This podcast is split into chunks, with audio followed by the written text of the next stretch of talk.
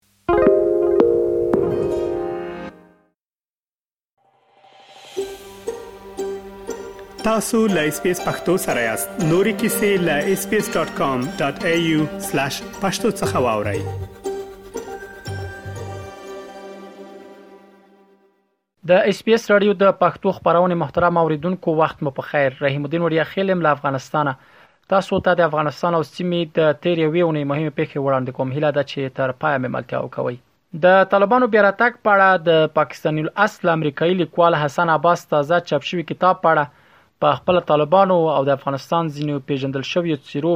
بلا بلا تفسیری کړې دي حسن عباس په خپل تازه چاپ شوي کتاب کې د طالبانو د مشرانو په اړه بیلابېلې څرګندونې کړې او تر ټولو مهمه چې په دې کتاب کې راغلي هغه د طالبانو د بهرنیو چارو او نور وزیرانو په اړه دي چې ادعا پکې شوې کورونه په پاکستان کې دي او د خپل رژیم او پریکړو اړوند چارې د پاکستان د مشر په مشوره مخکې وړي په دې کتاب کې راغلي چې د طالبانو حکومت د بهرنی چارو وزیر امیر خان متقی ډیر ځله په پاکستان کې د پخوانی پاوز له مشر جنرال قمر جاوید باجوا سره لیدلی او د هغه تر اجازه وروسته هندي ډیپلوماټانو ته په افغانستان کې د کار کولو اجازه ورکړي حسن عباس په خپل د کتاب کې دا ادعا هم کړې چې طالبان په دوه ډلو ویشل شوی چې یو یې په کندهار او بل یې په کابل کې ده هغه لیکلي هغه ډله چې په کندهار کې ده او د طالبانو مشر ملا هیبت الله مشري کوي د هغوی قاضی القضات ډیر تندلاری او زاړه پالی دی هغوی د اسلام په اړه ډیر لنډ او تنګ نظر لري او د طالبانو بل ډله چې په کابل کې ده او زیاتره وزیران دي هغوی له تدبیر نه کار اخلي په نړۍ کې ګرځیدلي خلک دي حسن عباس د خپل کتاب په یو بل برخه کې دا ادعا هم کړې چې د افغانستان پخوانی ولسمشر محمد اشرف غنی د خلیلزاد او د حامدکرزي پلان د مخنیوي په خاطر چې غوښتل یې ملا برادر افغانستان ته راولي د حقاني ډلې سره همکاري وکړه چې کابل ته راشي طالبانو د حسن عباس کتاب هغه برخه ته چې د دوی مشران یې له پاکستان سره په اړیکو تورن کړي له حقیقت لري او بې بنسټه بولی د طالبانو ویان ذبیح الله مجاهد وویل حسن عباس د کوم استخباراتي سازمان لوري استخدام شوی او دا ډول استخباراتي دسیسې نشي کولای چې د خلکو ذهنیتونه د طالبانو د مشرانو پر وړاندې مغشوش کړي حسن عباس بیا د ذبیح الله مجاهد د خبرو په ځواب کې پر ټوئیټر لیکلی ول چې تاسو لپاره هر مخالف د استخباراتو دی او ویلي ول چې دای اوګدا اکیډمیکه سابقه لري او یوازې د افغانانو خېګنه غواړي د افغانستان ځینې سیاسيونو او پیجندل شوی څورو هم دغه کتاب په اړه بیلابل تفسیرې کړي او دغه کتاب ځینې برخې پر واقعیتونو ولاړې بللې دي خو طالبان بیا په داسې حال کې له پاکستان سره د خپل اړیکو ادعاوې ردوي چې د معلوماتو لمخې افغانستان کې واک ته تر رسیدو وړاندې د دې ډلې ډیری مشران همالته اوسېدل او پاکستان چارواکو په مسلسل ډول منلې چې د طالبان تحریک دوی د خپل اهداف لپاره رامنځته کړی جنگولای او واک ته رسولای دی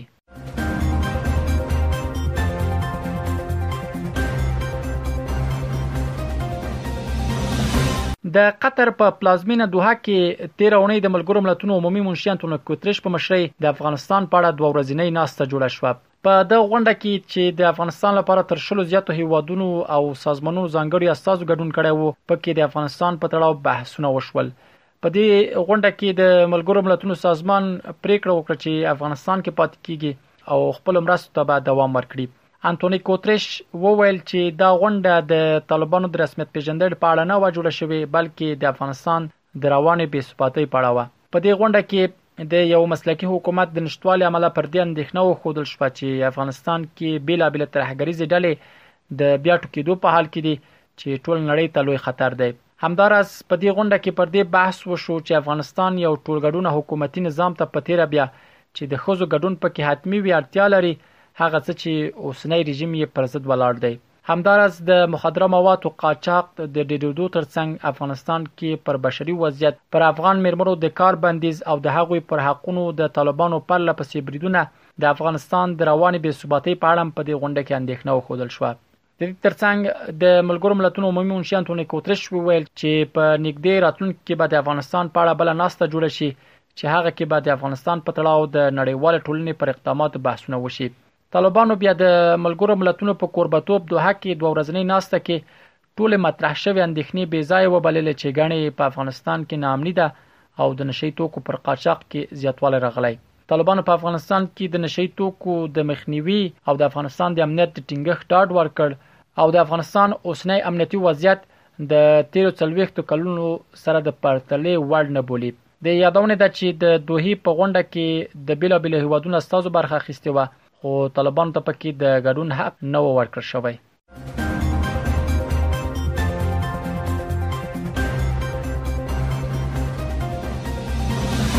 د طالبانو د بهرنیو چارو سرپرست وزیر امیرخان متقی د یو پلاوی په مشرۍ تیرونی د چین، پاکستان او افغانستان په درړخیزه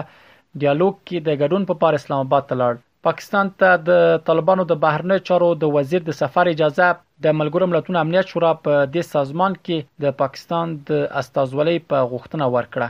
پاکستان ته د طالبانو د بهرنیو چارو سرپرست وزیر دغه سفر ټول لګښت پاکستان په غاړه اخیستی دی د طالبانو د بهرنیو چارو وزارت د معلوماتو پر اساس خاغلی متقی او ورسره مل پلاوی به پاکستان ته د خپل دغه سفر په ترڅ کې له پاکستاني چارواکو سره د افغانستان او پاکستان پر دواړخیزو سیاسي او سوداګریزو اړیکو سیمایي ثبات او ترانزیت په باب خبرې وکړي د دې ترڅنګ ښاغلی متقي به د افغانستان، چین او پاکستان د بهرنیو چارو وزیرانو په شپږمه درې اړخیزه ناسته کې هم ګډون وکړي. طالب پلاوی چې د دوشنبې تر ورځې به په اسلام آباد کې وي، په دې سفر کې د چین د بهرنیو چارو له وزیر سره جلا لیدنه هم ولري. طالب پلاوی داسې مهال پاکستان ته سفر کوي چې تازه همدا تېره اونۍ د افغانستان په تړاو د ملګرو ملتونو په کوربتوب دوحه کې جوړه شوې دوه ورځنۍ ناسته د طالبانو له حضور پرته له کومې ښکاره پایلې پای ته ورسېده.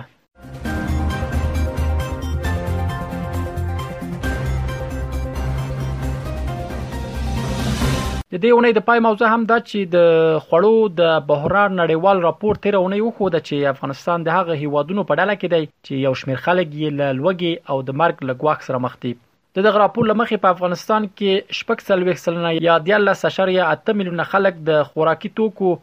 له حاد کمښت سره مخ دي او شپږ اعشاریه یو میلیونه وګړي له قحطۍ سره یو ګام واټن لري. په راپور کې همداراز راغلي ول چې په دوه زره او دوه ویشت کال کې په افغانستان کې درې اعشاریه دوه ویشت میلیونه له پنځو کلونو کم عمره ماشومان له حادې خوارځاکۍ سره مخ وو چې دا یې د ماشومانو د مړینې اصلي لامل په توګه یاد کړی و. د خوړو د بحران نړیوال راپور پر بنسټ شخړې او ناامنۍ، د اقلیم بدلون، د کرونا ویروس اقتصادي پایلې په افغانستان کې د لوږې له اصلي لاملونو یاد شوي ول. په افغانستان کې د ملګرو ملتونو د بشري چارو د همغږۍ دفتر یا اوچا په وار وار دا ویلي چې په افغانستان کې اته ویشت اعشاریه درې میلیونه وګړي عاجلو بشري مرستو ته اړتیا لري، په هغه کې شپږ اعشاریه یو میلیونه یې له قحطۍ سره یو ګام واټن لري. دا ول د افغانستان او سیمې د تیر یوې اونۍ مهمې پیښې چې ما تاسو ته وړاندې کړې تر بیا ښې چارې اس پی اس پختو په فیسبوک کې تا کې پلی مطلب یو فاک کړئ نظر ور کړئ او له نورو سره شریک کړئ